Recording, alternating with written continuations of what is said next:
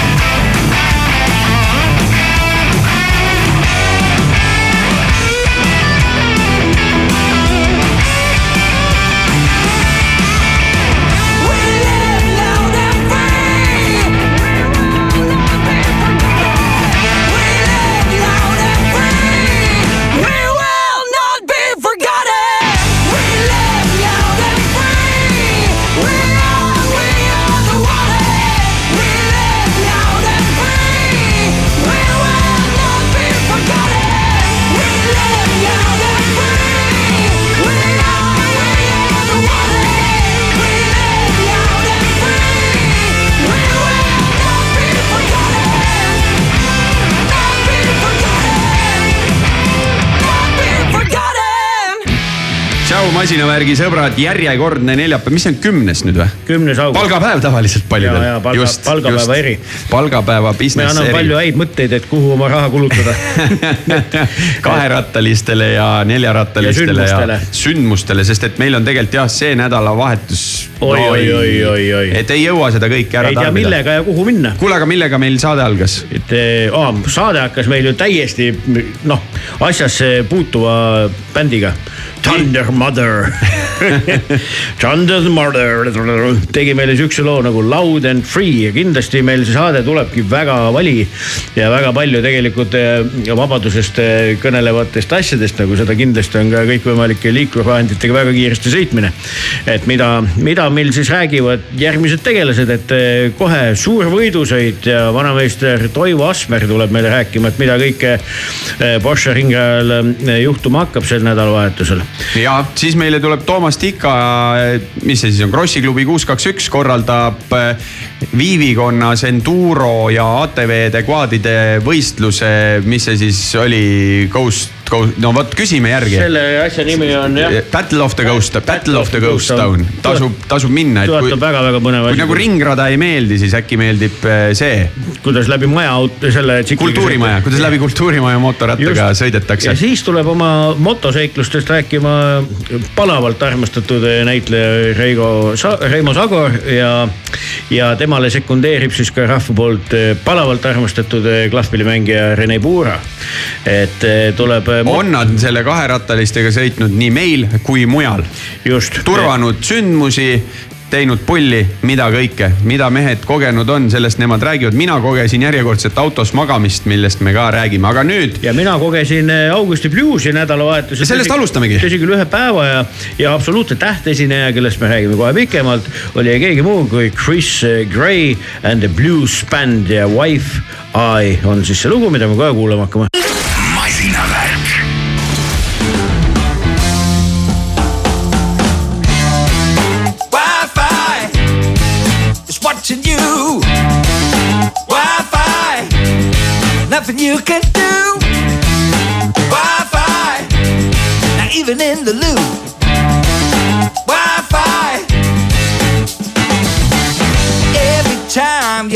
You're out on your own, she's on patrol.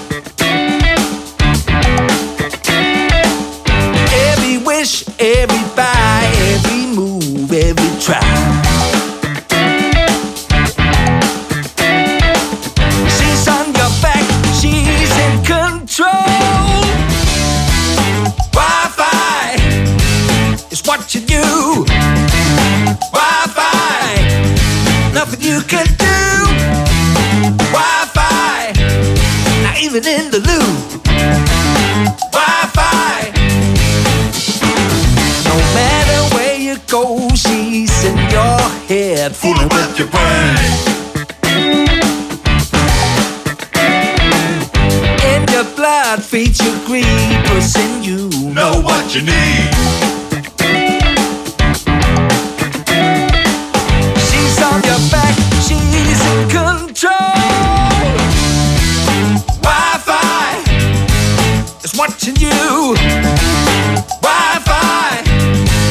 Nothing you can do. Wi-Fi, not even in the loop.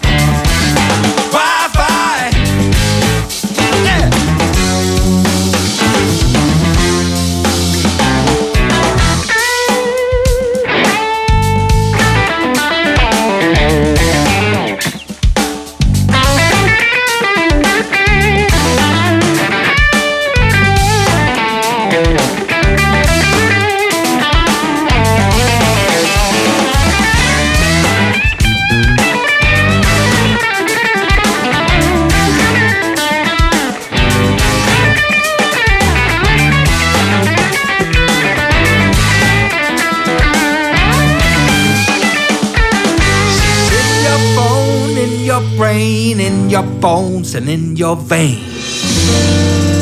Man, she's like a big eye in the sky. She could be working for FBI. Mm. Wi-Fi is watching you.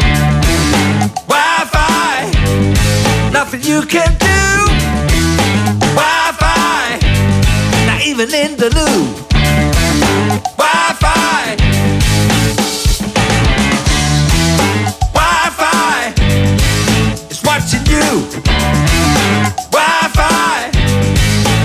You can do. Wi-Fi, not even in the loop. Wi-Fi.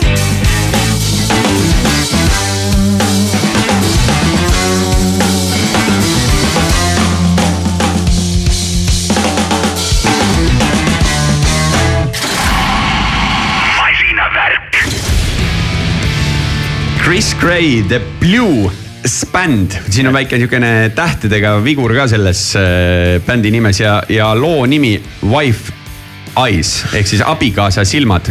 tead see Chris Gray ise, see ongi konkreetne tüüp tegelikult on ju, kes on sihuke bilinguaarne tüüp on ju, nii et ta on äh, taanlane, aga just otsapidi noh, on inglise keel nagu teine emakeel. see oli nagu tead nagu veits nagu stand-up äh, etendus sama palju kui muusika. ühesõnaga minu jaoks kõige nauditavam kombinatsioon, nad on äh, trio, Taani trio mm, -hmm. kes siis oli Augusti Bluesi üks selline õhtune varaõhtune esineja. ja see nauditavus tuleb sellest, et nagu pillimäng on, on nagu sihuke nagu elementaarne oskus, et nad noh, mängisid tohutult hästi, nad olid väga-väga-väga professionaalsed ja väga-väga head pillimehed ja siis nad niisuguse mängival kergusega tegid sihukest nagu, nagu äh, muusikalist sellist äh, nagu komöödiat heas mõttes on ju. noh, veiderdasid mingi mitmehäälse lauluga, soolode, igasuguste asjadega äh,. ta oli sihuke nagu, nihuke nagu funky, soul'i, bluusi, rocki, nihukest segu kõikvõimalikest asjadest. ülihead pillimehed, väga head lauljad ja muidugi vahetekstid igasugustest äh, Future X-Wife idest ja kõigest, millest iganes on ju noh käisid nagu asja juurde, mulle soovitas seda kuulata. Üks äh, mu Taani sõber, kes on ise ka professionaalne pillimees ja ütles, et kuule, et teil tuleb see nii pull asi, et see on nagu Taanis üks ägedamaid äh, bände hetkel tema arvates on ju. ja jutt jumala tõsi, et äh, minu jaoks oli tõeline, tõeline sihuke nagu leid ja maius, ma nautisin iga sekundit, et bluusifestivalil on nagu kõige paremas mõttes sa enamusel juhtudest tead, mis sul juhtuma hakkab, on ju, et et noh, muidugi seal on nagu tehnilist meisterlikkust ja lahedat suhtlust ja igast ägedaid tüüpe onju. aga noh, overall on ju nihukest väga palju üllatusi nagu eh, ta ju ei paku, küll aga see bänd eh, tegi seda nagu täiel määral, nii et eh, kui jätke see nimi meelde, et kui kuskil olete Skandinaavias liikumas või ma ei tea, võib-olla kutsub keegi ta Eestisse uuesti, et, et igal juhul kihvt vaatamine, et väga, väga nihuke, meenutas varajast Chili Peppersit näiteks, kui, kui need sihukest nagu funky nihukest nagu, nihukest sõgedust nagu noh, nihukese, sihukesed nagu, kui sihuke flii nihuke spetsiifiline nihuke nagu bassikäsitlus. tõmblemine, väike psühhodeelia sealjuures veits, siukene üle võlli. Oli... näitemängu ja kõike. kõike, kõike jah, ja ma ei tea, küll seal trummar mängis klaverit vahepeal ja mida iganes. tegelikult üldse küsimus, et ma saan aru, et äh, sa ei pidanud algul minema ei pidanud, jah. Haapsalu linna. ei pidanud jah, aga saatus tahtis teisiti, et, et esinemine, mis pidi olema laupäeval, jäi minu jaoks ära. ja siis selle sülle kukkunud õnnega, et näed, ongi vaba päev, ei tulnudki kaua mõelda, kui plaks autosse ja Haapsalusse. alustasin päeva sellise show'ga, mida tegid Margus Kappel ja Tibu. kaks klaverit äh, Haapsalu rongijaamas ja siis oligi selline kahe klaverivirtuoosi selline tunniajane, ma noh, ta ei olnud nagu battle, ta nad ikka tegid seal koos ja eraldi ja vahepeal läks kuidagi eriti tiibiks see musa ja siis jälle läks rock n rolliks tagasi ja no noh, ütleme nii, et mehed ikkagi e, saavad, saavad ikkagi instrumendist jätkuvalt väga hästi jagu, onju. et e, kõvad tüübid, siis oli üks väga sihuke huvitav bänd, millest ma olin ainult nime enne kuulnud, mis kannab nime Rubundi. mis võib-olla klassikalises mõttes noh. Rubundi. Rubundi jah, Eesti, Eesti, Eesti bänd hmm. ja kus on siis mul ei tule kahjuks selle tüdruku eesnimi meelde, aga ta on trummar Indrek Tetsmani tütar, kes muideks mm -hmm. ise mängis ka seal bändis, et isa ja tütar ja see oli veel Anti Kammiste seal ja, ja veel ridamisi noori kitarriste ja bassimängijaid ja, ja, ja backilauljad. ta on sihuke, natuke meenutas sellist Norah Jonesi või ma ei oska öelda, sihuke lugude jutustamine, sihuke huvitav kuulamine, et aga sihuke hästi melanhoolne. ma just mõtlesingi, kui näiteks pohmakas oleks, mida mul ei olnud, kuna ma käisin oma autoga. et, et, et kas, kas ta siis nagu oleks sihuke rahustav ja mõnus, vastupidi, ta ta on nii rahulik, et ta ajaks närvi. et vot sellise mõttekäigu pealt tabasin ennast. siis oli oli loomulikult eh, Mihkel Raua sihuke välja kuulutatud Siisi eh, topi projekt on ju no,. habe oli siis või? ei olnud seal mingit habet on ju, et noh, teate minu jaoks jäi see projekt, tunnistan ausalt, kogu lugupidamise juures kõikide vastu, kes seda tegid, jäi pisut kaugeks tunnistan. aga mi, mis see siis oli, see ei olnud nagu jäljendamine, see oli lugude mängimine oma nii-öelda os.... Seda ta just ei olnud. ei olnud? jah et äh, seda ta just ei olnud. kui sa küsid, mida ma ootan, ma ei oska ju midagi oodata, onju. et ootaks seda, et haaraks, aga olles neid lugusid elavas esituses ja ka salvestatuna piisavalt kuulnud oma elus, et seda miskit ei olnud. et äh, ja siis jah, päeva lõpetas siis vanameister Scofield, kes oli noh, oligi väga tasemel mm, -hmm. sest nagu Raul Ukareeda meil eelmine kord ka rääkis, onju, et. et ta siis tuli nagu teist korda nii-öelda vigade parandust oma, oma, oma kontserdile tegema tervise... ja rahvas väga ootas seda ja üleüldse ma ütlen, et Augusti Bluesi publik on fenomen omaette, et, et. teadlik publik. seal ei ole juhuslikkust jah, kõige paremas mõttes, et inimesed inimesed teavad, millisele sündmusele nad tulevad, nad ei satu sinna, vaid nad tulevad, nii et. et ses mõttes jätkus ju aplause ja sooja vastuvõttu kõikidele esinejatele, nii palju kui ma neid seal nägin ühe päeva jooksul ja võtsin täie tõsidusega ja vaatasin kõiki, keda, keda sai. nii et äh, minu jaoks oli tore käik ja, ja loodetavasti siis järgmine kord, mis on, kannab järjekorra numbrit kolmkümmend. et, äh, et kõik on täpselt sama hästi, nagu oli see aasta. juubeli edition. jah, et äh, mõnus sündmus ja rahvast oli palju, ilm oli ka ilus, nii et, et et oli, oli, oli väärt käik. ja tegelikult ju, kui me oleme siin lahanud neid sinu reise ja käike ja kus sa oled käinud mingitel erinevatel festivalidel, kus on olnud mitu lava ja nii edasi, siis äh, Augusti Blues on fenomen omaette sündmus, mis haarab kogu väikelinna ja, ja muidugi seal, mis see Raul ütles, palju neid lavasid oli, kas mingi kümmekond või noh, ühesõnaga need oli. kaheksa või kümme või. ja just see, et, et see laupäevapäev oli nagu tore, et oligi nagu, ma ei tea, esimesed asjad hakkasid seal kuskil, ma ei tea, enne lõunal juba pihta mm -hmm., noh, traditsiooniliselt Tomahawk Brothers ja kõik niisugused nagu naljakad asjad onju. aa, üks, pagan, mul ei tule need nimed meelde, ma ei pannud ette ka omale neid, üks mingi Soome tüüp oli päris naljakas. oli ka pealaval, üksinda tegi mingisugust niisugust, ma ei tea, lapi hullust onju. et äh, mingisuguse veidra kitarriga laulis soome keeles bluusi onju. See oligi sihuke päris pöörane onju noh, küsimus on, et kas seda peaks nagu tund aega viitsinud kuulata, aga, aga noh, siis saadki tead, vaatad ära, on mõnus ja siis taustaks käib mingi sihuke tore asi ja siis seal räägid juttu kellegagi ja siis võtab maitsvat sööki ja nii see päev läheb, onju, nii et, et, et, et, et mõnus, niisugune mõnus mikrofestival jah, et nagu lahe. et eh, jaa tore, aga nüüd lähme bluusilainelt hoopis äh, kuulame siukest ühte siukest käredamat äh, naisterahvast, kes kannab nime Sophie Lloyd ja kes on punti võtnud veel tegelase nimega Nathan James ja nad on kokku pannud siukse laheda loo, mis kannab pealkirja Do or die. Ja siit ta tuleb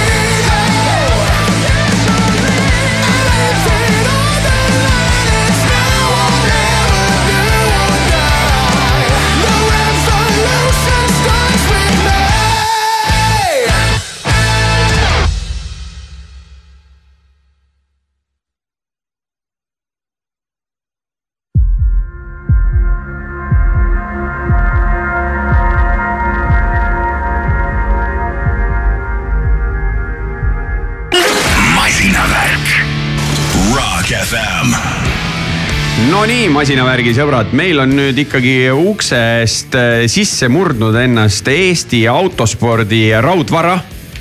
Toivo Asmer jah. ja mees, keda võiks kutsuda, ma ei tea, milliste tiitlite ja asjadega. Toivo, sa, mis see nagu praegu siis ametlik äh, autospordiliidu president, oleks kõige viisakam öelda või?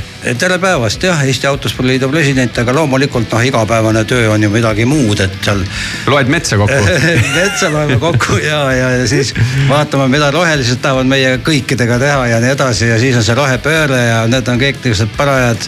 ühtepidi on nad jamad, teistpidi lo- loodame, et on ka kuidagi kasulikud, aga vaata, kui huvitavate toolide peal Toivo istub, ühest otsast ja. nagu metsa ja teisest otsast paneme aga kütust veel põlema. aga, aga... me, me kutsusime tegelikult äh, üldse teemaks sellega, et äh, kuna käesolev nädalavahetus siin Eesti eri paigus igasuguseid äh, tehnikaspordi sündmusi ja võistlusi on toimumas, aga kindlasti üks suurejoonelisemaid Estonian Grand Prix kaks tuhat kakskümmend kolm ehk suur võidusõit Porsche ringil ja see ju on selline võistlus, mis ühendab endas äh, ajalugu kaherattalisi, neljarattalisi. nojah, oli ju Kalevi suurused, kus olid samamoodi ju kaherattalised ja neljarattalised ja aastal kaks tuhat neliteist me siis koos abikaasaga üritasime uuesti käivitada midagi taolist ja käivitasimegi ja see oli siis see suur võidusõit ehk Estonia Grand Prix, nagu ta rahvusvaheliselt praegu on. ja sellel aastal kindlasti on nüüd mootorrataste võidusõit eh, kõige ägedam, mis ta läbi aastate meil on olnud seal. et äh, tänaseks on registreeritud kusagil nelikümmend motomeest, ma arvan, neid tuleb veel juurde, tavaliselt viimasel momendil käib ikka regamine veel juurde. ja autos ka, kui me räägime täna, et on ju täismahuline Soome meistrivõistluste etapp, pluss siis muud Eesti meistrivõistlused ja muud rahvusvahelised tegelased, kes tulevad, et. loodame, et äh, see saab olema jah, niisugune kahe ja neljarattaliste vägev ajamine sest et autoklassidest, kui peale hakkame, siis on ju ütleme kui nii tohib öelda, siis kõige lihtsamad kereautod, DCR touringcar'ide on ju ka esindatud. jah, no neid on kahjuks vähe, vot Neid hakkab väheks kuidagi siin regioonis just. jaa, neid on Soomes vähe ja näiteks ka Baltic Touriga Championship, seal oli neid ju ligi kümme ja tänaseks on ka vist üks järele jäänud, ma isegi ei saa aru, mis see probleem on. see võiks ühtepidi olla kättesaadav tegelikult sari mõnes mõttes. nojah, aga mõeldud oli nii, et Mõeldud sellest tuleb jälle, üks, üks odav eh, klass tuleb, aga kokkuvõttes ta väga odavaks välja ei kujunenud. et eks meie regioonis ilmselt kõige populaarsem on see, kui me võtame ringraja autospordi suhtes, siis on see BMW-d, mida Baltic Touring Cariga sõidetakse., jah, need on kindlasti kõige odavamad praegu ja neid on ka arvukalt rajal. aga teise kandi pealt oleme täna ka rääkinud siin paari vennaga, et, et mis edasi, et kui sa võidad selle klassi ära, mis siis see järgmine on, et noh, kas siis on Porsche kohe või, või kuskil Lamborghini või Ferrari peale minna. et kas see kogemus, mille sa siit said, kas see on piisav selleks, et minna näiteks Itaalia meistrivõistlustel Porschega sõitma või Britti mm, -hmm. et siin on noh, mingisugune vaheklass peaks veel olema et kui me jah, võtame mingi kardispordi, kus sealt kuskilt mikrod, minid kasvab järjest nagu üles, seal on nii palju neid etappe vahel. aga nüüd ringraja autospordis justkui tundub meile, et samm on nii pikk, kust kuhu astuda. nojah, aga sellest tulenevalt ongi nii välja kujunenud, et meie tipud, kes on meie absoluutsed ringralli tipud, praegu on ju väljapool sõitmas. On see siis näiteks Martin Rump või on see siis Paul Aron, oli Ralf Aron, Jüri Vips. ma usun, et Jüri Vipsist me kuuleme õige, õige, õige nüüd kohe midagi head. et eh, ja või siis eh, näiteks Tõnis Kasemets, kes muidugi USA-s väga aga- ju võitis ära jah, mehed, kellest vähe räägitakse, aga kui sa võtad motorattad äh, teemaks. super, superbike'id, superstockid on ju, kõik on, äh, kolm klassi vist on esindatud või ku- kuidas ja ta jaguneb? seal on isegi neli klassi, need noored on ka. aga noored eraldi veel on noored ju? on eraldi ka veel. aga. Superbike'i koha pealt meil on ju siin endal samamoodi tipptegijad olemas ja teistpidi ma vaatasin, et ega kas Pärtel poeg on äh, tulemas? Pärtel poeg on tulemas äh, Hanno on kirjas. jaa, Pärtel poeg tuleb välja Ducatiga okay. Ta tegi mingisuguse diili see just nimelt selle Estonia Grand Prix jaoks ja, ja muidugi Felt tuleb välja, tuleb Hannes Soomer välja, tulevad Läti absoluutsed tipud välja, Soomest on tulemas sõitjad.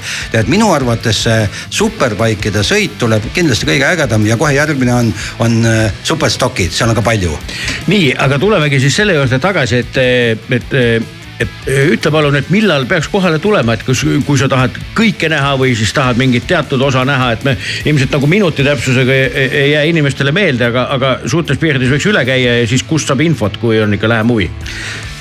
Kohale peaks tulema laupäeval kella kümneks, sest kella kümnest kaheteistkümneni sõidavad ära mootorrattad. ja miks just siis mootorrattad, sest tavaliselt nendel on pretensioon, et, et autod sõidavad üle nurkade siis ja tõmbavad liiva raja peale Ahah. ja kui nemad siis lähevad sõitma, nad käivad küliti siis liiva peal seal. et noh, sellepärast me oleme tulnud nendele vastu, nende sõidud on kümnest kaheteistkümneni, laupäeval kümnest kaheteistkümneni. kindlasti peaks sellel ajal olema kohal, siis tuleb väikene lõuna kolmveerand tundi ja siis tuleb official siis äh, opening ceremony ehk siis avade niisugune pidustus lausa, kus siis ka kõik hümni lauldakse ja nii edasi. ja esimene start, mis siis joone peal on rivistunud, on siis Legends autod, need legendaarsed ja neid ma pakun välja, tuleb kusagil kolmkümmend viis minu nägemust, kolmkümmend viis autot korraga on üles rivistatud ja siis sealt juba edasi. aga nüüd, kui sa küsisid, et kaua peaks olema ja see on see igipõline küsimus, et kui pere tuleb võistlustele, kui kaua ta tal ühel võistlusel tahab olla, mitu tundi. et see ongi niisugune no neli-viis tundi on maksimaalne, siis tahaks kindlasti ära minna. aga selle aja peal ongi kõik klassid läbi käinud, on ka kordusstardid tulemas, aga siis õhtupoole võib-olla ei pea olema, no võib-olla no korraldajana ei tohi öelda, et ei pea, ikka peab. No peab. aga kuidas siis eh, grand finaal on, et eh, jagatakse kätte autasud, kas keegi eh, teeb meelelahutust või kuidas see pool on hoitud? ja no meil on niiviisi, et alati auhinnad jagatakse välja koheselt peale Ahah, finišeerimist, ei ole nii, et õhtul kuskil kell jah, kakskümmend kaks null null on autasustamine. kohe sellepärast, et, et äh, rahvas tahab näha oma iidolit, ta tahab näha kohe. Emotsioon on püsti, eks ole. emotsioon on püsti, kohe tahab näha. tegelikult ju, kui sa võtad, võtad äh, äh, mingisuguse vormeli nädalavahetuse, kui on F1, kaks, kolm, samamoodi, sõit lõpeb, autasustamine, sõit lõpeb, autasustamine, kohe pannakse poodiumile rivvi, antakse ära. ja siis, kui on lõunavaheaeg välja kuulutatud, siis esineb Reket. noh, noorte iidol Reket tuleb laulma, et ja siis on loomulikult seal ka veel lastealad ja, ja siis laadaplats ja kõike on, et, et ma arvan, et sellest tuleb niisugune tore pidustus. oleneb muidugi ilmast, aga ma olen tellinud hea ilma. vastupidi, siis just ongi kõva väljakutse, kui ei ole hea ilm. paneb ikka mehed ja raua ikka tõsiselt proovile No. Reketi ka ja võtame äh, Hannes Soomer oli just oma pressikas siin välja käinud, et, et ta panustab vihma peale seal, mitte sellepärast, et ta kuivaga ei võidaks, ta võidab kuivaga ka võib arvata. aga et ta tahab seadeid proovida, just, just vihmailma seaded, et, et käib välismaal, et seal on vähe aega tavaliselt, aga, aga teeks katsetusi. tore, kui inimesel on ka siin lihtsalt mitte sõitmine, aga eesmärk on ka tsiklite seadistus suurteks võistlusteks. no ringrada on meil ju selleks igati õige noh, aga lihtsalt võistluse käigus ega seda niisama ei äh, teki. kas on varianti ka, et äh, Hannes sihib äh, uut ringirekordit? ja kindlasti siit, ma rääkisin tema isaga. no isa ütleb ka, et on vaja uus ringrekord ikka ära virutada, sellepärast et vastased on kõvad, nagu me rääkisime, et on äh, Velton ja Pärtel-poeg ja Läti ässad ja Soomest tulevad, et kui on keegi, kes kannustab ka, et oleks vaja ära virutada küll uus rajarekord. no vot põhjus tundub, et on ikka küllaga tulla seda kõike oma silmaga vaatama, kas see mm, eh, peaks pileti ette soetama või kuidas selle asjaga lood on või Nojah. saab koha pealt kätte? jah, tegelikult ju nii ongi, et selle raja no omapära on selline, et, et ega seal väga varjule pole ju kuhugi minna. et mõni mõtleb, et kas ma nüüd ostan eelmüügist või ei osta või, või mine vaata seal ilmateede, kuidas on. tegelikult ikkagi soodsam on osta eelmüügist ostad sealt ära, on kindel ja siis sul kohustus tulla ka juba et kui sa oled ära ostnud, siis üks hea variant on veel see, et kui sa tahad head sündmust toetada, osta mitu piletit, jah on ju? jah jah. võta sõbraga kaasa. ja ma võib-olla oma jutu lõpetuseks, ma kindlasti soovin edu Martin Miilbergile, kes on selle võistluse peakorraldaja, nüüd ta on ikka noor poiss, mul õpipoiss siin, aga, aga väga tubli on Martin Miilbergile edu ja õnne. nii et estoniangrandprix.com, sealt te saate info kätte ja tegelikult piletilevist siis oleks mõistlik see eelmüügi asi ja sellel laupäeval Porsche ringi laudrusse saab toimuma.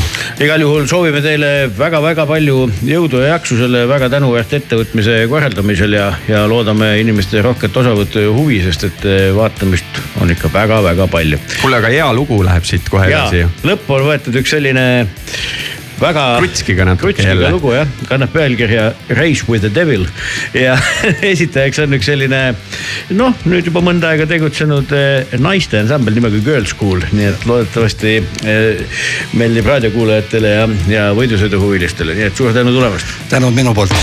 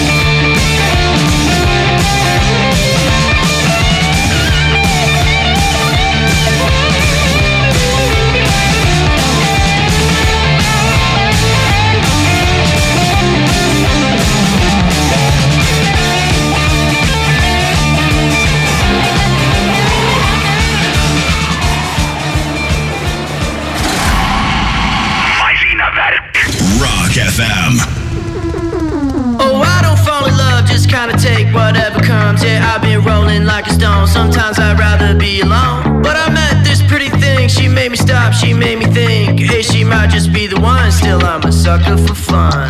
I'm not good at serious, but she's got me delirious. I want you so bad, I'm gonna lose you. I'm gonna fuck it up just like I always do. Buy some flowers, write I'm sorry on that stupid little card. We'll be happy and in love and doomed from the start.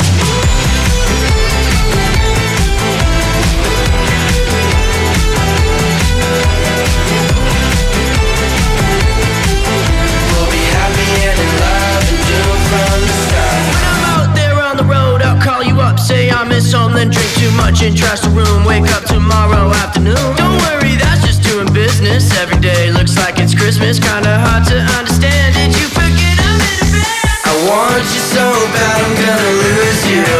I'm gonna fuck it up just like I always do. Buy some flowers, write I'm sorry on that stupid little card. We'll be happy and in love and doomed from the start.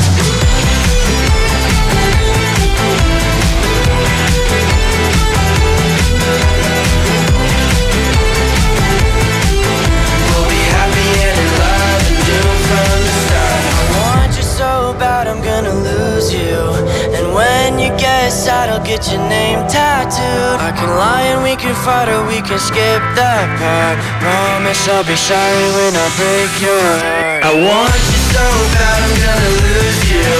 I'm gonna fuck it up just like I always do. Buy some flowers, write I'm sorry on that stupid little card. We'll be happy and in love in June from the start.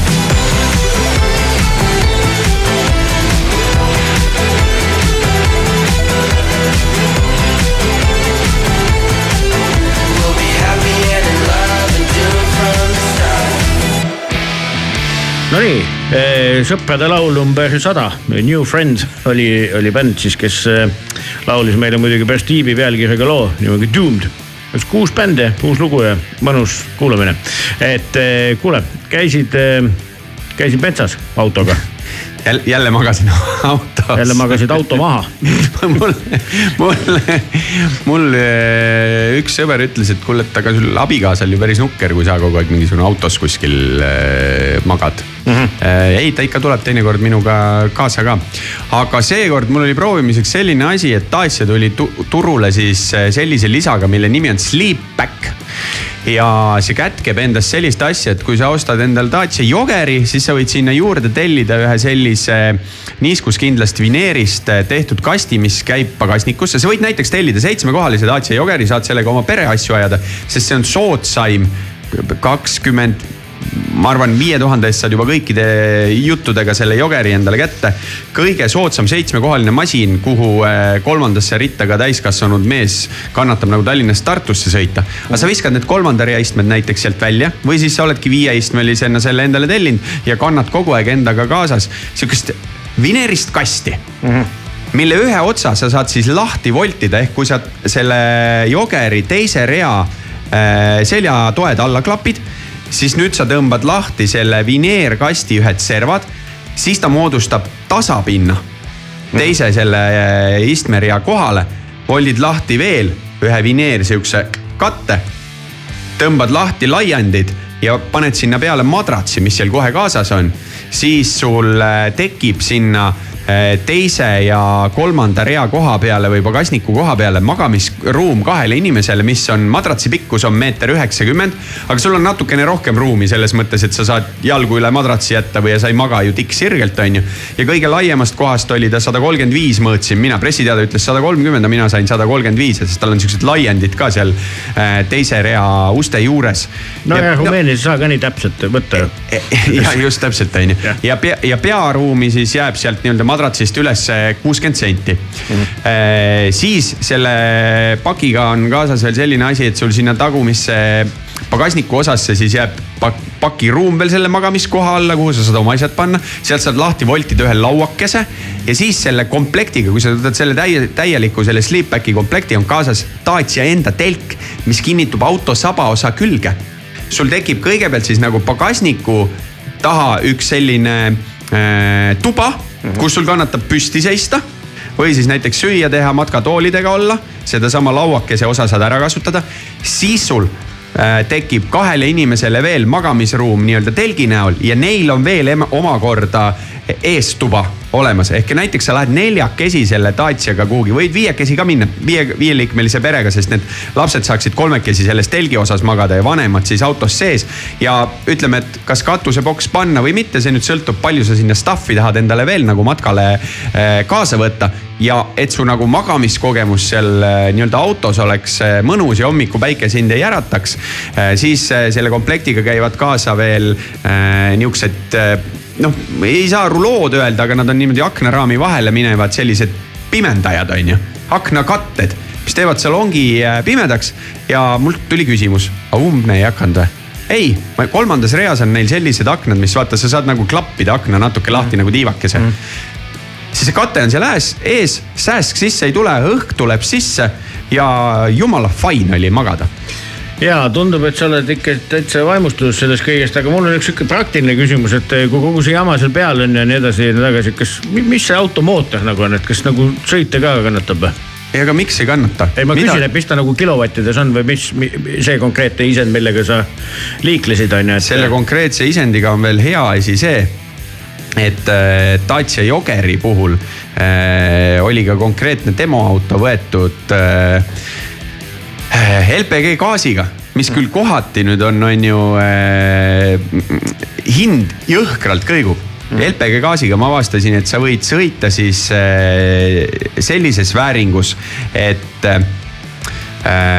kui sa ostad gaasi valest kohast siis su ekvivalent bensiinile üle minnes on nii, nagu see auto võtaks, ma ei tea, seitse liitrit bensiini sajale mm.. aga kui sa ostad gaasi näiteks Alexela hinnaga, kuidas Alexela tankla seda LPG-d müüb, siis su auto võtab mingi neli koma liitrit äh, sajale, sajale kilomeetrile. aga kui sa küsid äh, konkreetselt äh, jogeri kohta, siis jogeri valikus ongi niimoodi, et kui sa seda ühesõnaga võtad endale mm, äh, esiveolise jogeri äh, üheliitrine mootor, sada kümme hobujõudu. sa küsid, et kui see jama seal peal on, aga mõni inimene tassib, ma ei tea, mida kaasas, need, need asjad ei kaalu palju. see mm. nagu ei, selle auto jõudlusele nagu kuidagi vastu ei äh, hakka, selles mõttes, et ta on ta on niikuinii kiirendus nullist sajani on mingisugune, ma ei tea, kümme, üksteist sekundit, ega see ei olegi püha püstol. Ta ongi soodne ja lihtne auto, aga selle oma saja kümne hobujõuga liigud nagu igati vapralt. selge.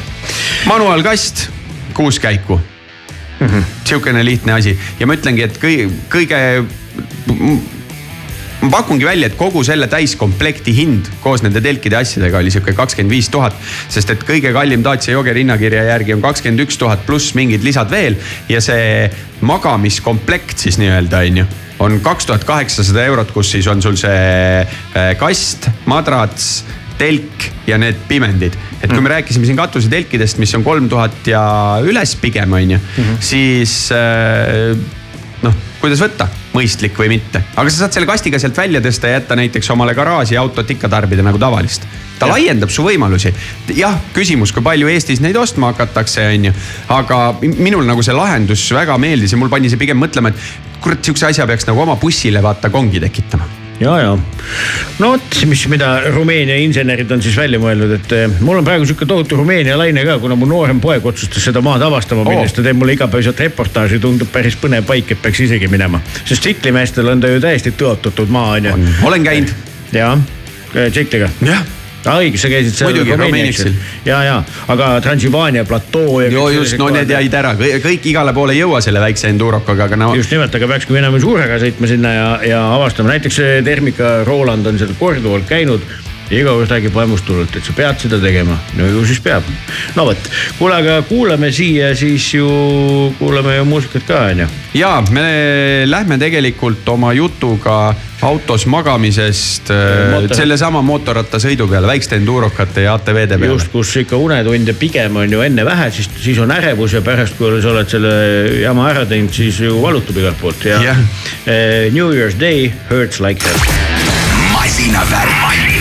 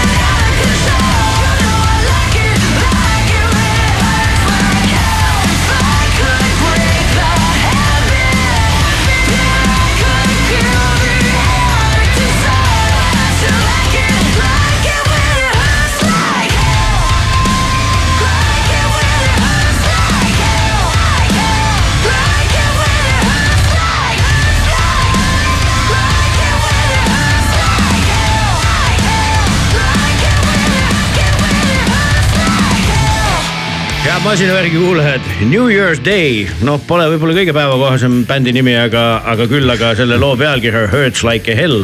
sest et millest me rääkima hakkame, on äh, kuidas selle täpne nimetus on, seda meile ütleb äh, selle asja kokkukeeraja äh, Toomas Tika. ühesõnaga viivikonna enduro, nii rahvakeeli võiks ta ju sellist nime kanda ja lugu, mida me kuulasime, Hurts like hell, et kas siis tere, Toomas, et kui see Tere, tere. võistlus ära teha, et siis valutab igalt poolt absoluutselt, kõik oleneb enda ettevalmistusest, et kui palju tahad rabeleda või kuidas, mida teha, aga ürituse nimeks on meil jah siis Battle of the Ghost Town ehk siis nagu sa oled ka eelnevalt maha maininud, et on sihuke unikaalne koht olemas Eestis nagu Viivikonna mm. -hmm. mida paljud inimesed ei tea ja nüüd me siis murrame müüte jälle natukene, teeme siis nii-öelda keset küla ühe kestvuskrossi ürituse. kuhu siis on oodatud osalema kõik, kes vähegi suudavad, oskavad ja tahavad sõita enda masinatega jah, aga eh, tuleme algusesse tagasi, et kust selline mõte üldse tuli, et, et selline nii-öelda nagu jumalast unustatud koht nagu elule uuesti äratada? see mõte tegelikult käis koosluses Imaveres keset küla toimunud külakrossiga ja see noh, nii piltlikult öeldes tekkis sellise kooslusega, et rääkisime Taneliga nagu ikka õhtul oma konverentsis kõne, teeme asja, värke ja ka just oli ralli käimas WRC. ja jutt oli, et kuule, linnakatse värgid jutud ja siis ma ütlesin, kuule, aga teeme ka mingi linnakatse mm. -hmm. noh, davai, proovime, vaata, mis välja tuleb asjast, no kurat, väga hästi tuli välja mm. -hmm. no ja siis hakkas see teema arenema ja jälle siit jutustasime, jutustasime ja siis ühe korra kuskilt jutust käis läbi selline kuradi Ida-Virumaa, et läheks nagu sinna suunda oma asjadega. ja Tanel siis nokkis natukene ja ütles, et kuule, aga Viivikonna sihuke hiilgelt äge koht, et mahajäetud majad, värgid, asjad, et kuule, teeme seal ka mingi möllu. pool rada on olemas. no sisuliselt, et noh, ma räägin, et võime ju kultuurimajast läbi sõita ja mitte keegi ei pahanda selle peale. Kas, kas sa tänaseks tead, viimati kui me seda teemat puudutasime, siis me arvasime, et seal on üks sihuke noh, kuni kümme peret, et kas, kas täna on teil juba täpsem teadmine ja kas need, kas need pered on seal ka legaalsed ja sõnaõiguslikud, et nii-öelda rahvaloendust ei teinud, kui me seal kohal käisime okay., aga rada käisime paika panemas, mõõtmas, oli huvilisi, kes igatepidi piilusid igalt poolt kuskilt varemete vahelt, keegi meid ehmatama ei hakanud, aga, aga üldjoontes seal ikka on asul elanikke nii-öelda. ja see kohalik omavalitsus on siis Narva seal või? jah, ja okei. okay. sellega ka natukene olime siin ponnistusi nende asjadega, kõik selle formaalsuse tagaajamisega, noh tänaseks on nüüd kõik olemas, paberid käes, kooskõlas käes, rada maha märgitud ja nii-öelda siis vastavalt tänasest hakkab siis nagu suurem märgistustöö seal. räägi rajast, see on kindlasti see, mis huvitab inimesi, et eh, ma saan aru, et see raskus on nagu ülisuhteline mõiste, aga räägi, räägi kahe sõnaga, nii palju kui rääkida saab millestki, mida no rada selles suhtes alustame nii-öelda kohe asfaldilt mm. -hmm. vähendame torud tühjaks, teeme väikse sikaani vahele sinna, sealt käime üle muruplatside nii-öelda kunagiste keldripottide, loeme ära moosid, kompostid, mis sinna alles on jäänud.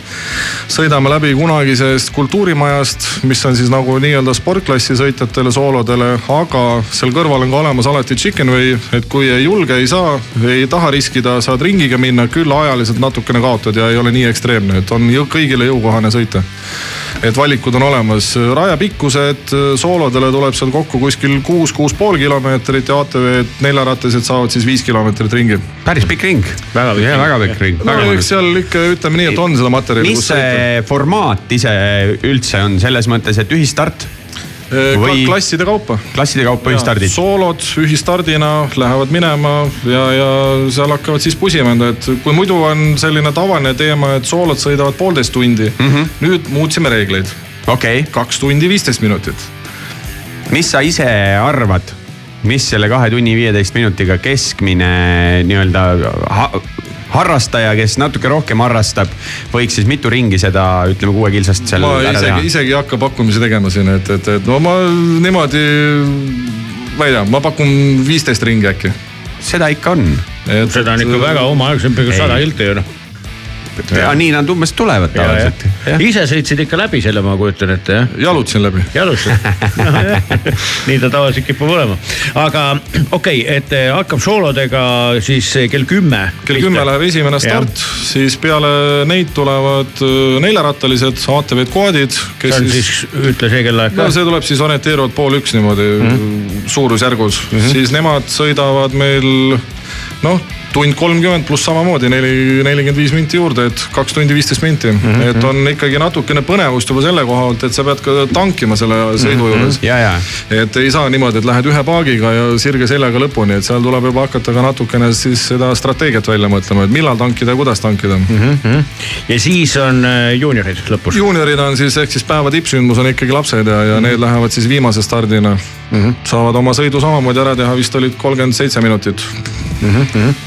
Okei okay., no väga lahe, kuule, aga nüüd, kui keegi veel, kes äh, millegipärast ei ole ennast registreerinud, võid öelda ka, et palju siis äh, äh, sõitjaid ootate ja palju, palju praegu ei no ootame tervet Eesti paremikku ikka, et tulla nagu maailma parimat üritust nautima nii-öelda, et ilm on meil tellitud, kõik on heas, toitlustus on olemas. küsin, küsin teisipidi, kas on ka mingisugune nagu, nagu kuskilt tuleb mingi piirang ka, et noh, palju nagu sinna peale Ei. saab panna või? ei, no ma ei tea, me ei ole mingisugune kriteeriumitega sõit, me võtame kõik vastu, kes tulevad ja tahavad. vau. aga okei okay,, ma küsin niipidi, teadmata asjast liiga palju, et palju üleüldse on nagu Eestis mingisugusel nagu tippsündmusel stardis olnud korraga? no täna meie rekord on olnud vist, kui ma õieti mäletan, kas see oli seal sada kümme või sada, sada kolmteist saime Imavere küla krossil seda kätte. äge. noh, see juba oli selle kahe poole hektari peale, kus me toimetasime, see oli nagu sipelga pesavoos kõik, et aga, aga kihvt oli. nii et realistlik plaan tegelikult eh, võiks olla sadakonda sõitjat. no ütleme niimoodi, et kuna me oleme ikkagi proovinud arendada enda seda sõitu ja tegevust ja rahvale meelepärasem olla ja ka raja poolest, et siis nagu loodaks, et sa- sada oleks ikkagi kohal.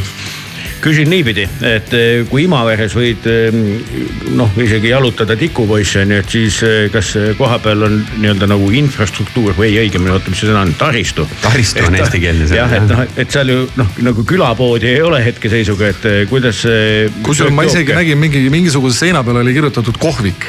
Aga ma ei tea, kas see täitsa töötas või lahti. kas lihtsalt kultuurimaja silt ilmselt ka eksisteerib veel see? kohvik võib olla lihtsalt viimati avatud no seitsmekümne kuuendal, aastal. eks, eks me siin nüüd täna-homme saame nii-öelda teada, kas seal on avatud, mitte, aga, Aga- aga, meil on ka oma toitlustus olemas ja kõik saavad süüa-juua koha peal, et, et seal nälga päev- keegi päev ei on ju pikk ju. absoluutselt ja kusjuures selline imeline koht nagu Viivikonna, väga mahajäetud koht, väga unikaalne koht, aga väga ilus äh, laste mängulats jala on seal. isegi kivist pingsilaud on olemas. et kui sõita ei viitsi, siis vähemalt tuleb pingsi mängima. ei, absoluutselt, kui sõitma ei taha tulla, tulge vähemalt vaatame üritust. ei, selge see, et tegelikult nagu nii-öelda kultuuriajalooliselt eh, tasub eh, vaatama tulla küll seda, siis on ka põhjust, et on nagu põnevat vaadata. kas pealtvaatajad saavad, saavad, noh, ühesõnaga saab seda vaadata ka nagu raja ja, ja, ulatuses. ja, ja nad saavad ju kaasa liikuda mööda rada ja- just, just. liikuda, vaadata ja avastada seda kanti ja samal ajal jälgida võistlust. noh, ka juba see on tegelikult eh, täiesti unikaalne võimalus on ju, et. absoluutselt. Muidu ju võid minna, aga nüüd on lihtsalt põhjust veel rohkem. jah, et eh, mina olen seal korduvalt käinud, ma olen pildistamas käinud seal, sest et noh, oota, oota, kui me nüüd räägime minekust niimoodi, Raiko, kas siis Jah. on masin valmis ja nagu, mina ei tule kuhugi. no mis see nüüd siis on? ei, lihtne, mul on siis nina juba Leedu poole, ma ootan seda järgmist äh, sündmust. vot no siis tuleb Haapsalu. selge, ühesõnaga lubatud. Nüüd öeldi ära. lubat-, nüüd me teame, kuhu Raiko läheb ja nii edasi. kuule, aga jõudu ja jaksu, ma arvan, et teha on seal veel omajagu ja kindlasti unetud ööd on veel. No teha on ja, ja ega üks asi on selle asja korraldamine, pärast on selle asja ära likvideerimine sealt koha pealt, et kohalikud lubaks ka järgmine aasta tulla sinna. tõsi, nii et otsige üles Krossi klubi kuus, kaks, üks Facebooki leht ja sealt leiate sihukese sündmuse nagu Battle of the Ghost Town, mis siis sellel laupäeval kell kümme saab oma stardi. ja lõppu on sihuke lugu veel valitud sellele jutule, et eh, mis kannab pealkirja Asking for a friend, et, et kui endal on kõhklusi-kahtlusi, siis küsi, küsi kas sõbralt või küsi sõpra appi ja, ja. kui ise ei taha sõita, saada sõbera sõitma. anna talle oma ratas. jah Jah., ja bändiks on meil Mulberry Sky, kes jääb siis seda jutuajamist lõpetama, aga jõudu jaksu. no aitäh teile. masinavärk.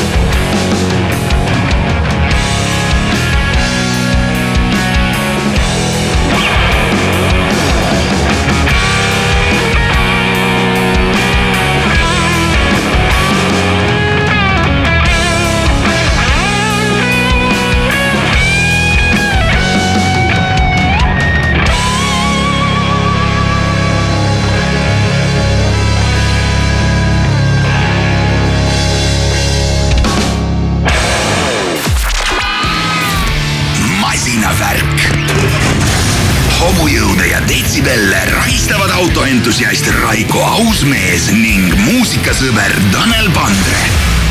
masinavärk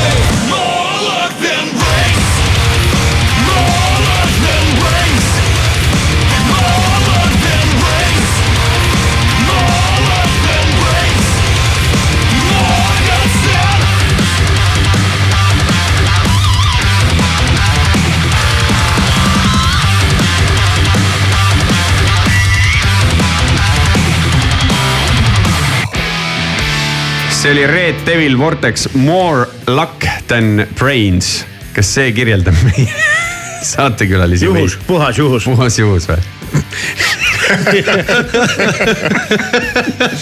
see random valik, ai valis selle noh kas teile tuli, kas teile ai valis need külalised ka või? ma arvan, et, ma arvan, et, ma arvan, et see intervjuu on lõppenud. paneme järgmise loo. Äh, aga noh, kui te juba siin olete, et siis tere tulemast ja rõõm näha ja. tere tulemast, samad sõnad. tere peaks nüüd tutvustama või? võiks küll, raadio ju pilti ei näita teadupoolest. meil on, meil on äh, mikrofonide külge kinni kleebitud nüüd äh, Rene Puura ja Reimo Sagor. mõlemad mehed on, ütleme, et suured kaherattaliste armastajad neile meeldib sõita väga palju mootorrattaga. Äh, Sagori käest saame kohe varsti küsida seda, et äh, mis ta nädalavahetusel äh, tegi, sellepärast et kujutad ette, kui mõni inimene on ju teeb mootorrattasõitu hobiks, siis ta tegi tegelikult natuke sellega tööd. olles ise näitleja, mitte üldse näitlemise tööd ja äh, siis nad käisid ühiselt äh, või said selle töö käigus ka näidelda, seda ma küsin pärast. ja siis nad käisid ühiselt CF Moto NK kaheksasaja proovisõidu sündmusel Prantsusmaal. ja Rene oli meil siin äh, nüüd ka pundis, kui me käisime veel langel kogu seda line-up'i, nii et me saame, nüüd tuleb üks tõsisem, kõik kuulajad, teil tuleb üks tõsisem pool saadet meil ikkagi mootorrataste teemadel, meestega, kes mootorratastega. Ja see seletab ka, kas meestel on rohkem õnne või. või ajusid. või ajusid. jaa, siiamaani oleme elus ikkagi.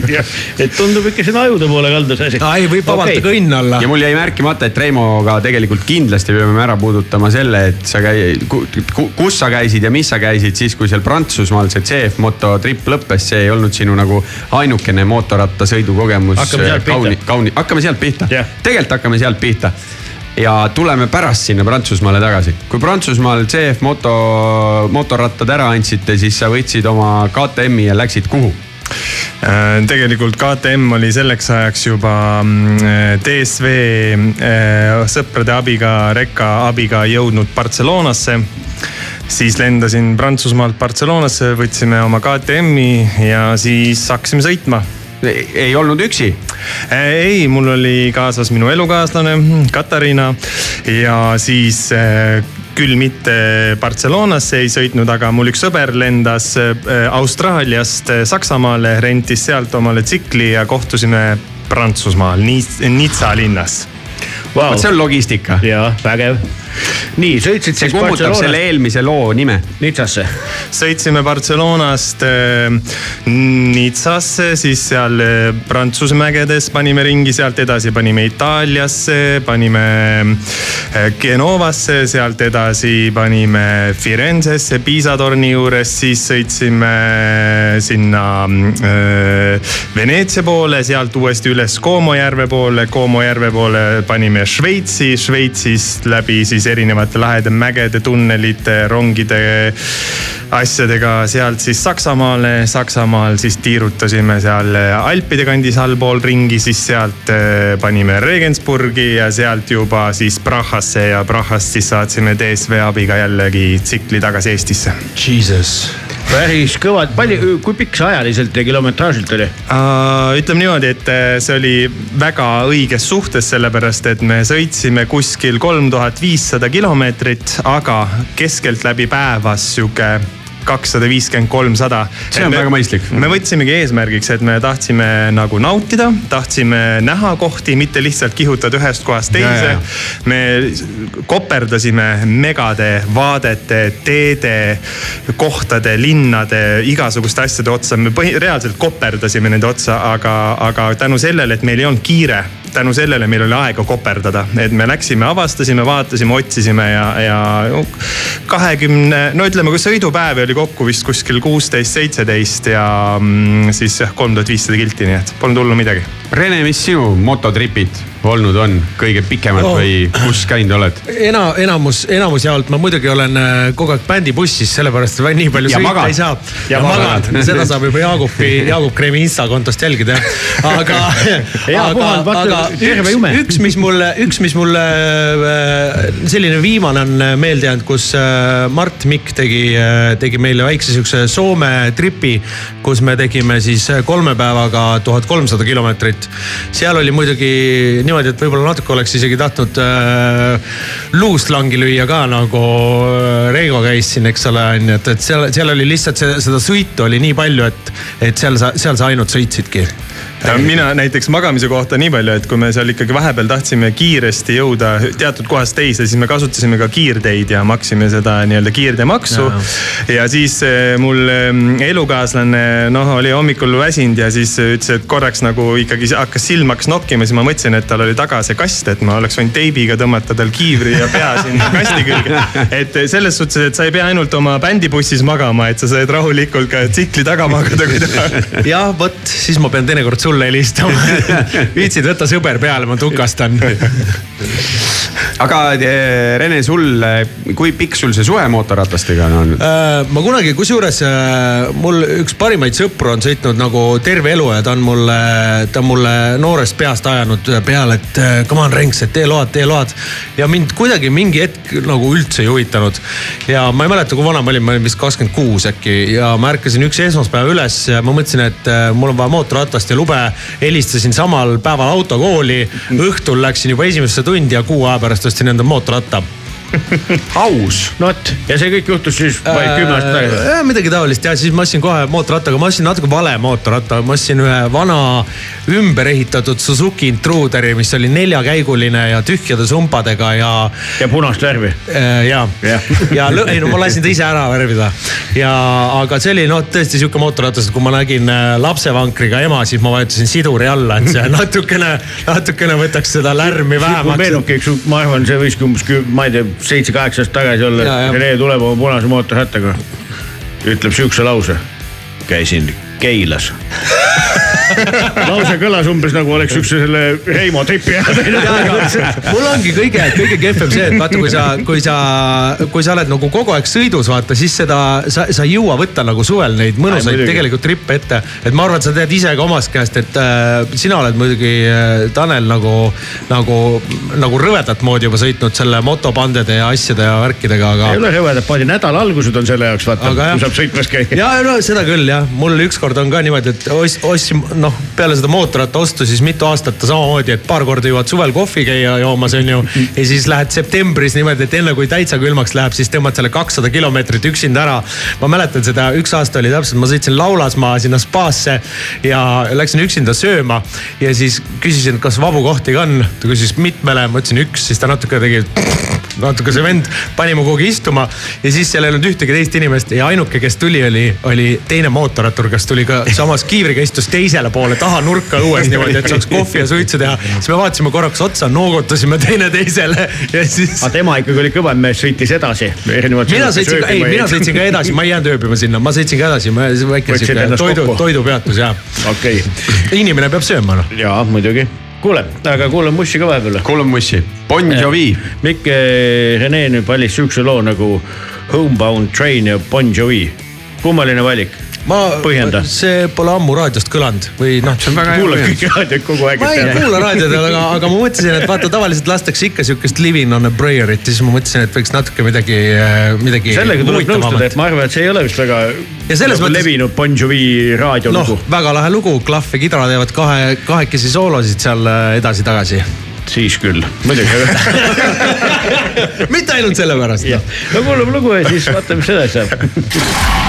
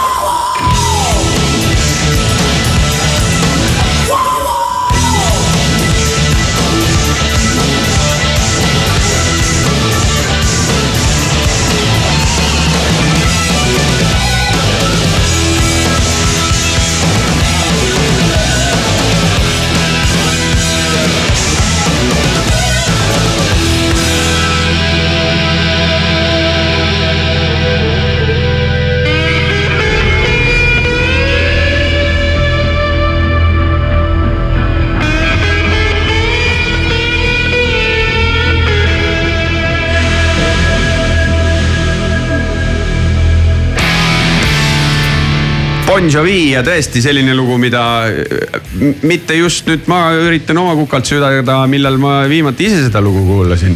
no nüüd said. nüüd sain kuulata, nüüd said kõik teised ka kuulata. aga Rene Puura ja Reimo Sagor on meil endiselt stuudios ja nüüd võiks minna selle teema juurde, et milline siis oli üks selline influencer'i elu moto sündmusel, kuhu teid CF Moto kutsus. Lõuna-Prantsusmaal käisite jah? jaa, Frejussi linn või ma ei teagi, kuidas, Frejus või kuidas ma. ei mäleta isegi, mis see nimi oli. Frejus igatahes, see on seal Cannes'i ja äh, Nizza vahel. seal vahel seal. Kanni ja Nisa vahel. jaa väga kaunis koht, kuigi me seda nagu ilu väga nautida ei saanud, aga see ei olnudki põhiline, me läksime ikkagi sinna uut, uut CF Moto eh, NK kaheksasadat eh, ribadeks sõitma põhimõtteliselt. ja mis tunne siis nüüd on peale seda kõike? et mul on reaalselt, ma olen selle peale päris palju mõelnud ja ma mõtlen, et ma tahaks seda iga kuu teha mingi erineva tsikliga, nii et siit Aa, üleskutse Eesti või kus iganes. motomüüjatele. motomüüjatel, kui teil on vaja testijaid, siis. ja siis me kahekesi tuleme ja siis postitame. aga milline see üldse, läksite lennukiga kohale, anti võtmeid ja öeldi, et sõida või mis teil, mis teiega seal veel tehti või mida teile tutvustati seal oli, seal oli tegelikult äh, kõik need ülejäänud inimesed äh,, meie olime nagu kaks sihukest äh, inetut parti kuskil luikede, luikede järves. sest need teised olid motoajakirjanikud, kes olid sündinud põhimõtteliselt see mootorrattalenk samba vahel nendel samadel Prantsuse kurvilistel teedel ja kes sõidavad nagu vabal ajal ringrada ja värke. et äh, noh me läksime sinna lihtsalt nagu noh, meeldib ja värki ja lahe ja Aga- kuidagi veits üritus ise oli ju väga selles suhtes, et noh, ikkagi teha see inimesed kohal. kõik on organiseeritud, lähed sinna, õhtusöögid, tutvustused, kõik värgid-särgid, lähed rajale, pildistamised, filmimised, et sa saad pärast sellise väikse mälupulga kaasa, kus peal on kõik sinu pildid, videod, asjad, siis saad kasutada neid oma nii-öelda kanalites ja nii edasi ja nii edasi, et. aga mulle meeldib Marek Kärneri lähenemine, kes siis Eestisse CF Moto maailma, maaletooja on, et ähm, ähm, noh kes mis, neid ühtlasi ka Tartus müüb. jah, et, et aga mis sa, et kogu aeg, no mis ajakirjanikke sa siis sinna nii hirmsasti viid, et võta parem inimesed kaasa, kes naudivad selle, seda sõitmist, tegemist, nad annavad oma info, selle nii-öelda siis tulemuse sealt edasi oma kanalite kaudu, mis neil võimalik on, aga ma ütlen, mina tõesti väga nautisin seda üritust ja. ja meil ikkagi noh, lubati, see ei olnud selline, et võtke nüüd see mootorratas ja olge hästi ettevaatlikud. kui me esimesel päeval minema panime, see meie grupijuht, kes seal oli, sõitis siis selle matkakaga MT kaheksasada, see on natukese suurem no ta pani ikka hullu sellel teedel ja ikka seal anti ikka minna niimoodi, et mina võtsin omal motoks, et ma kellestki maha ei jää ja pressisin neile kolmele itaallasele järgi. väga lahe oli vaadata, kus nad esiratas, tagaratas lasid kurvides ja ma ütlesin, kurat, mina maha ei jää, ma andsin kuuma järgi nii palju. et selles suhtes oli ikka üli, ülilahe. ja rattast ka kahe sõnaga, et mis see, mis tunne on, et oli mõnus? No mina nüüd olen äh, katsetanud neid, mul on vist üks CF motoratas, mida ma ei ole proovinud, et tegelikult on äh, tegemist väga kvaliteetse ratastega ja, ja nad on äh, vastupidiselt nagu teistele, mida ma olen nagu proovinud, on nagu oluliselt kergemad mm. -hmm. et äh, ma ei tea, seal CF motol tuli ka välja üks äh, mingi uus sihuke poolmatkakas ja ma proovisin jukerdada sellega mööda seda ringrada ka ja no, minu üllatuseks oli see, et äh, kuidagi, et noh, et ma oskan isegi paremini sõita võib-olla, kui ma ise arvasin. et, et võib-olla see, ma ei tea, kas see mootorratas tegi siis ees töö ära või mis iganes, aga, aga.... no kuule, sul oli see Prantsusmaa mägede teede kogemus all nüüd juba ju. nojah, seda küll, kuigi ma alguses läksin sinna, sinna rõõmsalt peale, eelmine, eelmine päev tegime natuke tirilimpsu ka veel, noh, võib-olla natuke, võib-olla liiga, liiga kaua. ärkad kerge selle, selle sihuke sammal on suus, jood need liiga palju seda õunamahla hommikul peale, siis hakkad nagu minema, aga need teised mehed on noh, niimoodi, kes olid tulnud nagu seda tegema, vaata ja noh, ise tuled ka, aga vaata, ega sa ei tea täpselt, kuhu sa oled ja mida sa nagu tegema tuled. ja, ja vaata, et noh, ma mõtlesin, et noh, sõidame mõnusalt mootorratastega, teeme vahepeal mingi sööki ja värki, aga seal läks hommikul sihuke nagu ringrada täitsa minema, ma mõtlesin, et no lihtsalt ei, ei jõua järele noh, sest, sest kuidagi lihtsalt füüsik, füüsika ütleb peas seda, et nagu seda kurvi ei ole võimalik selle kiirusega võtta. ja siis ma, ma ukerdasin seal natuke järele, natuke jäi maha, aga lõpuks jõudsin nagu ikkagi järgi jah Reigo pani vist seal äh, kuskil äh, selle kamba keskel siis no mina proovisin jah sinna kolme prantslase järgi või selle itaallase järgi võtta ja nendega Ja, ja. nagu sabas püsida ja, aga no eks näis. mina ütleks selle ratta kohta seda, et äh, ideaalne selline äh, linnaratas, et ma väga kaugele temaga linnast välja ei ronikski. tõsi, samad muljed endal. et äh, ma jääks temaga linna, ta on kerge, väike, kuidagi jalge vahel sihuke natuke isegi ma ütleks sihuke, ma ei tea, jalgrattatunne, aga samas võimsust ikkagi nagu mehe eest. aga ta sai min-, täitsa, mina sain äh, korraks kogemata isegi paar korda noka üles, kui ma seal nagu järgi tõmbasin neile poistele. aga, aga, aga ta on, ta on jah, tõesti, tõesti kerge, et kui väga kiiresti juba hakata, siis ta läheb kuidagi selliseks nagu oli, oli veits nagu hirmus. aga lõpp, kui ma, mida ma ütlesin Marekule ka, et, et äh, hinnasuhe Ja kvaliteedi ja suhe kvaliteedi tundub nagu hästi paigas olevat, et see, see on küll kogu selle, sest me arutlesime eelmises saates, just olime ise tulnud sealt samast, kus Renks oli meil ka see langel, see testipäev on ju. ja võtsime selle nii-öelda CF Moto müügil oleva listi, need hinnad ja vaatasime kust kuhu, siis tegelikult ongi niimoodi, et ega ei, ega ei olegi võib-olla mõtet võrrelda iga teise mootorrattaga. sellepärast, et just täpselt. sul, sul, sul see asja, hind iga asja jaoks on oma asi noh. just ja, ja, ja see hind määrab selle konkreetse nagu mudeli selle eh, nii-öelda tema eh, rivis, CF Moto enda rivis eh, sees ära. ja siis hakkad kõrvalt mingit konkurenti või asja otsima, on kallim, aga ongi Aga ma... ma- mingeid asju on ka rohkem, aga teistpidi võtad. aga ma ei ütleks üldse, et see ebakvaliteetne mootorratas on, tegelikult on jumala kvaliteetne mootorratas, see on lihtsalt. võta ühenduvuste ja ekraanide lahendused jah, näiteks. kellele, kellele nagu kuidas meeldib, et võib-olla paned mingi väiksema poisi peale, siis tal on nagu jumala okei okay olla. mina olin lihtsalt ise, ma mäletan seda nagu vahe, kui sa oled äh, kuidagi harjunud sihuke madalate chopperitega, mis kaaluvad kolmsada kilo vaata sõitma. ja siis sa üks, üks hetk istud selle saja kaheksakümne peale ja siis sul paned vennad viiekümne alas vaata ka mingi kuradi sotaga minema vaata, siis ma mõtlesin küll, et op-op-op-op-op. et kuidagi kõik tundus sihuke. aga noh, see on tead, harjumuse asi vaata on, aga ma, ma jään ka selle juurde, et eh, linna ja linna lähiümber, sihuke commute imise ratas, vaata mm. -hmm. et eh, ma kujutangi ette, et võib-olla Eesti mõistes, kui sa elad siin mingisugune Saue, Keila ja midagi sellist, käid Tallinnasse Kosele tööle, onju. aga kui sa nüüd paigutad selle ratta sinna, kus teie ka testimas käisite Prantsusmaal ja kujutad ette, sa töötad kuskil Pariisi kesklinnas või Milanos Oi ja, li ja linnaservast pead eh, linna keskele tööl käima, jumala idekas pill tead sa Jah, isegi kindlasti. Eestis oleks ka idekas, muidugi, mina muidugi. võtaks, mina võtaks hea meelega selle, kui ma niimoodi äh, kogu aeg ajakski iga, iga päev asju, aga vahepeal ma pean tassima ikkagi midagi siis. aga kas seal ei ole, teil ei teki, teki üheselt sellist tunnet, et, et sa lähed kuidagi sihukese rattaga nagu veits nagu pätiks kätte. sa hakkad kuidagi noh. Tanel, millise ratta, hullu panema. millise rattaga sa ei lähe pätiks kätte? sellega, millel sa siduri alla lased, kui lapsevanker kõrval on. Sellega sa lähed, ei saa öelda raadios neid. aga näiteks ma tahan, mina võin öelda seda näiteks, kui ma olin oma äh, reisil, siis selle suure KTM-iga, eks ko- küljekohvrid taga, see veel kast ja noh, laiust peaaegu et auto jagu juba varsti nende asjadega kokku ja kui sa oled kuskil Prantsusmaal või Itaalias, mis muideks motokultuurilt oli väga lahe.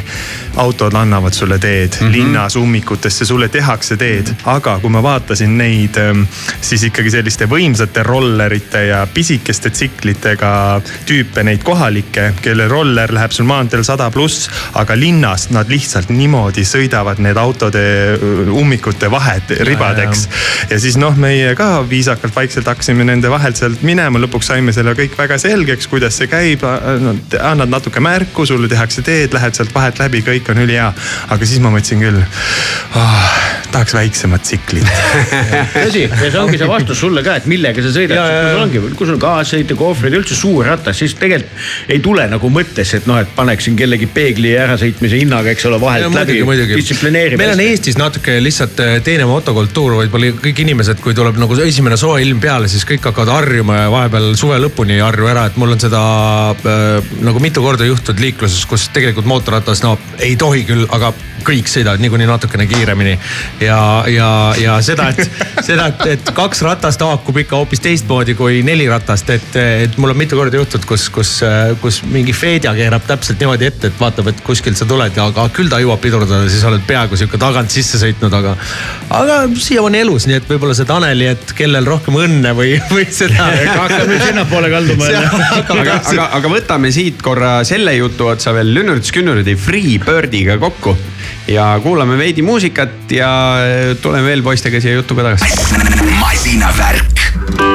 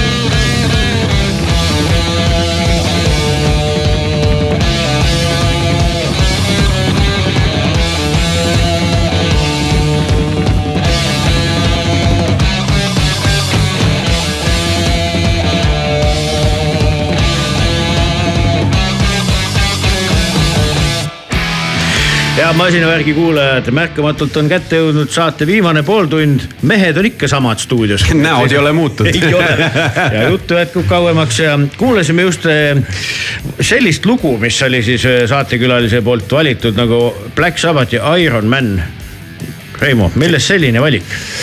Äh, lihtne, nädalavahetusel oli meil Tõsi. siis Tallinnas siin see suur Ironmani üritus, mille peale mõned on pahased, et ei saanud hommikul tead kodust ära või mis iganes. mingi liiklus kuskil takistatud ja nii edasi ja nii edasi, aga noh, sellega tuleb leppida lihtsalt. elame ju siiski linnas ja kus teised tahavad ka vahel kas sa võistelda. käisid võistlemas või? ei, ma ütlen ausalt, ei käinud, mulle aga pigem. oleks tahtnud? ei oleks tahtnud ka, nüüd ma mitmendat korda näen seda ja mul ei ole üldse isu tekkinud sul kuidas on, et mõtled, kui ei peaks Terminaatori bussis magama, siis võistleks täiega või? Palun ära hakka seda tegema, ma nägin liiga palju tüüpe. mul on, minul on nagu see hea meel, et siin on praegu stuudios neli meest, kes kõik on nagu sportliku võimekusega lahjemad kui minu abikaasa, kes on seda teinud. Ja tegi see, seekord ka poolikut. ma ütlen selles mõttes, et ma käiks konditsioneeriga jõusaalis jumala hea meelega, et kuskil mööda, mööda asfaldit ei meeldi jooksta ja, ja ma ütlen, ma alati nülin neid päevi, kui keegi on mingi SEB jooksu hakkab tegema, siis ma ütlesin, et Pekki, miks sa kuhugi metsa ei lähe selle jaoks. et miks sa Minu pead miks ka. sa pead kesklinnas, esiteks esiteks on põlvedele sitt ja, ja kõikidele ülejäänud inimestele ka, kes tahavad normaalselt liikuda ringi, et. aga Üri- tagasi tulles nüüd eh, sinu ja Ironmani juurde. jah, mina, mina siis ei võistelnud ega osalenud eh, selles suhtes võistlejana, vaid meil on selline, Tartus on siis motohunt ja selline. Raino Verliini tervitame siin. ja Raino Ahoi. Verliinile tervitusi, kelle eesjuhtimisel siis selline asi tegeleb Eestis ja me siis tegeleme vabatahtlikult erinevate ürituste turvamisega.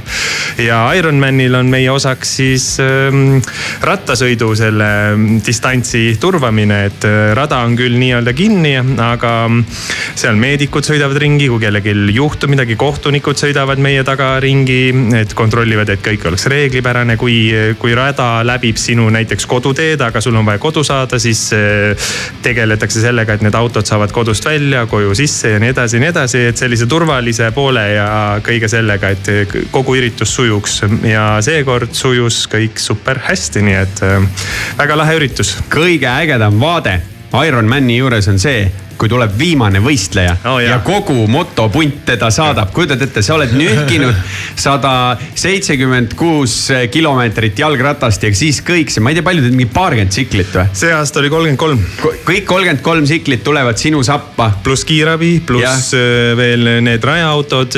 vilkurid, Jah. sireenid, Jah. vilgutatakse, pasundatakse, siis ma olen mõelnud, et kui ma Ironmani teeks, ma oleks viimane sellel põhjusel juba, et sul on kolmkümmend mootorratast siis selja taga. kusjuures esimesel päeval, kui oli see täistriatlon, siis mulle tundus, et eh, see viimane vend sai kuidagi nagu tuhhi juurde, kui need tsiklid, me sõitsime tema taga, ta kuidagi tempo tõusis, kui ta muidu rajal oli.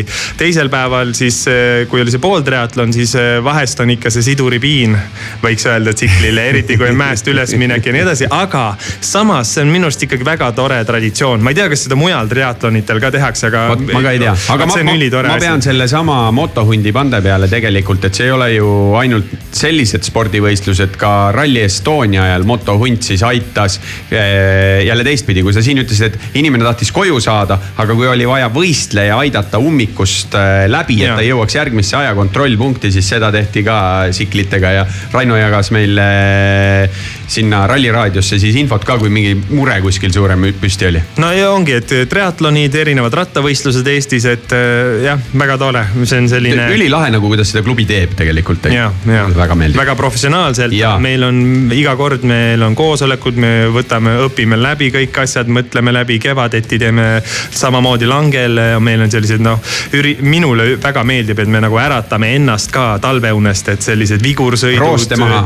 jah, et sa saad uuesti jälle oma tsikliga sõbraks, kõik need äh, aeglassõidud, kurvid, kaheksad ringid, et väga-väga professionaalne ja lahe lähenemine väga mõnus ja see käib sealsamas Lange kardirajal siis.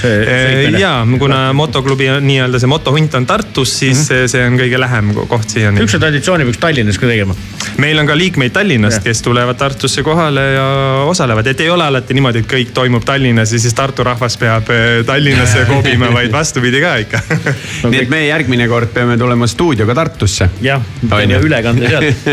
vot, vot, aga mis siis nagu sellel suvel veel eh, nagu hingele on jäänud, mis tegemata on, no sul on ikka unistuste reis, üks nendest äh, oli, oli tehtud, aga kas on Eestis veel midagi niisugust, mida tahaks kindlasti näha või?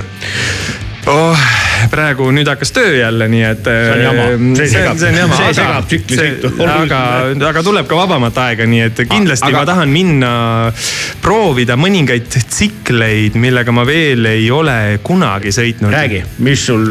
No ma avastasin üks päev täitsa nii pool juhuslikult, et näiteks seal Peterburi maanteel on MV Agustad ja Royal Enfieldid, seal saab TV3 midagi huvitavat. Ja et see võiks nagu võiks käia, proovida, vaadata jälle mingi uus mark, mida varem siin Eestis nii väga pole näinud. siis äh, motodepoo vist hakkas müüma Suzukisid mingil määral minu teada. ma jah? vähemalt olen mingit reklaami näinud, kui see just ei ole mingisugune petureklaam, ma ei tea, mis Facebookis ette peaks viskab. välja uurima, see on ju, ju Tartu meeste käes olnud ju vist pikka aega tegelikult. aga võib-olla ma panen praegu puusse, igatahes mõningad Suzukid on, mida tahaks võib-olla proovida ja. ajab uusad kindlasti ja neljakümne mintsiga Tartusse jõuda ja. jah, kui selline luba tuleks kuskilt, anna kuuma. aga, aga sa ütlesid, et töö, töö tuli nüüd sisse, siis ma saan aru, et eh, mingisugune hetk kultuurilist rõõmu Eesti inimestele pakkumas. ja meil on praegu Vaba Laval siis käsil äh, Poola lavastajaga, kes on ühtlasi ka siis äh, Vaba Lava uus äh, nii-öelda programmi kuraator äh, Jakub. kutsu-, ma poolakeelsed perekonnanimed on nii keerulised. jääme, jääme praegu selle eesnime juurde. ja siis ähm, tegeleme mm, süvitsi äh, sõjatemaatikaga, et kolmteist oktoober on siis esietendus ja mm, et ootame kõiki vaatama. ja Rene, sul mängides ja lauldes. ja üks, üks laekontsert, mis meil tuleb, on äh, meil kahjuks üks hetk äh, äh, suri ära termika asutajaliige Arch Veimer ja, ja tema, tema nii-öelda mälestuseks ja tema lapse ja naise aitamiseks me teeme siis kolmekümnendal augustil äh, sellise Arch Festi nii-öelda mm. -hmm. See on tulemas Alexela kontserdimajas täpselt, ja sinna on veel piletid saada. sinna on piletid saada muidugi väga ilus, ilus äh, mõte ja väga-väga vajalik mõte, nii et, et kellel pilet soetamata, siis kindlasti tehke seda. veel enne teen ka reklaami kodukohale. et äh, on ju kahekümnendal augustil, kus on taasiseseisvumise aastapäev, siis saab Terminaatorit kuulata ei kuskil mujal kui Nõmmel Vabaduse pargis Uh, päevane nii. kontsert, nii et No vot., et need, kes päeval ei maga, saavad tulla kontserdile. kuule, aga kuidas on, kui nagu päeval ka keika on? Väga hea. või mis mõttes, kuidas ei, on ei? ma mõtlen, et siis sa ei saa magada ju. ma magan tavaliselt siis, kui ma öösel olen kõvasti üleval olnud. jah, muidugi noor inimene, noor inimene peab ju taastuma, vaata aga. meil on Puuraga üks asi tegemata küll, me peaks ühe tsiklitripi tegema Eestis ja ma mõtlesingi kuhugi sinna leppige lõu-, kohe kokku, siis, siis on nagu. Lõuna-Eestisse, seal on mõnusalt üles-alla käib igal pool asju ja värki. just käisin meie ühise sõbra Otto Kärliga, Otto Kärvendiga vot. ja tema õe Liis-Mariga tegi- tegime jupikese Lõuna-Eesti tetti ja sõitsime ka palju asfalti, kõik see Haanjamaa ja imeilus, imeilus. ma kujutan ette ja ja. soovitan ka Suure Muna kohvikut, kui tahate hästi sõita. see on muidugi, super, koht muideks, Munamäe jalamil. Jaa. et eh, saab ilusti sinna sisse panna ja meil jah, isa Edvin, tervitame siinkohal, Edvin Vent eh, joonistas lastele siis raja, kust sõita. väga ja- eluaegne bussijuht. Ja teadis täpselt kus, kus on kurvilised teed, nii et Lõuna-Eesti no. super idee. mina tegin paar aastat tagasi sellise tripi, et me sõitsime kolme päevaga nii-öelda siis vana, vana nimistu järgi nelikümmend seitse Eesti linna läbi. ka kõik need, mis on saarte peal, siis äh, Saaremaa, Hiiumaa. et see kolme päevaga oli sihuke küte, võib-olla, võib-olla võtta, mitte võtta natuke- eesmärgiks kõik Eesti linnad, aga näiteks Põhjarannik. ma arvan, see oleks ju- jumala Põhjarannikut ma soovitan teile ka. Põhjarannik. Väga ilus sõit, väga hea sõita. Ja on asju, mida vaadata.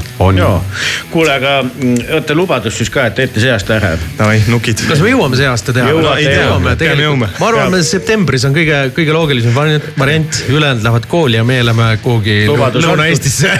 jah, tore, kuule, aga mõnus oli teiega ja samad sõnad. jah, ja siis leidsin uue loo muideks, mida peaks mängima, just ilmus. sihuke suht vana bänd nime, nimega Dog Eat Dog. sihuke teemasse täitsa mittepuutuv Lit, Lit Up on äh, loo pealkiri, aga see on sihuke lahe kuulamine, nii et mõnus. masinavärk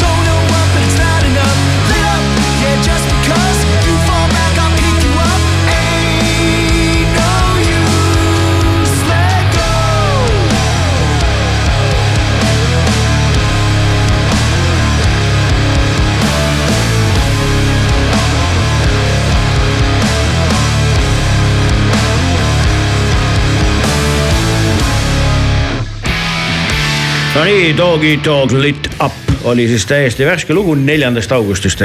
kuule, sai väga mõnus saade ja palju. neli külalist. ja neli külalist, palju tarvilist teadmist, kuhu minna, mida teha, lisaks on ju veel üks kiirendusvõistlus. ja One ka. Mile Challenge ja. Äh, Kiltsi lennuvälja lehk, äh, meie teada, neid on kindlasti, neid sündmusi on veel, aga meie teada saad Enduroka ja ATV-ga Idu, Ida-Virumaa, Idu-Virumaa tegi sinna idufirmad.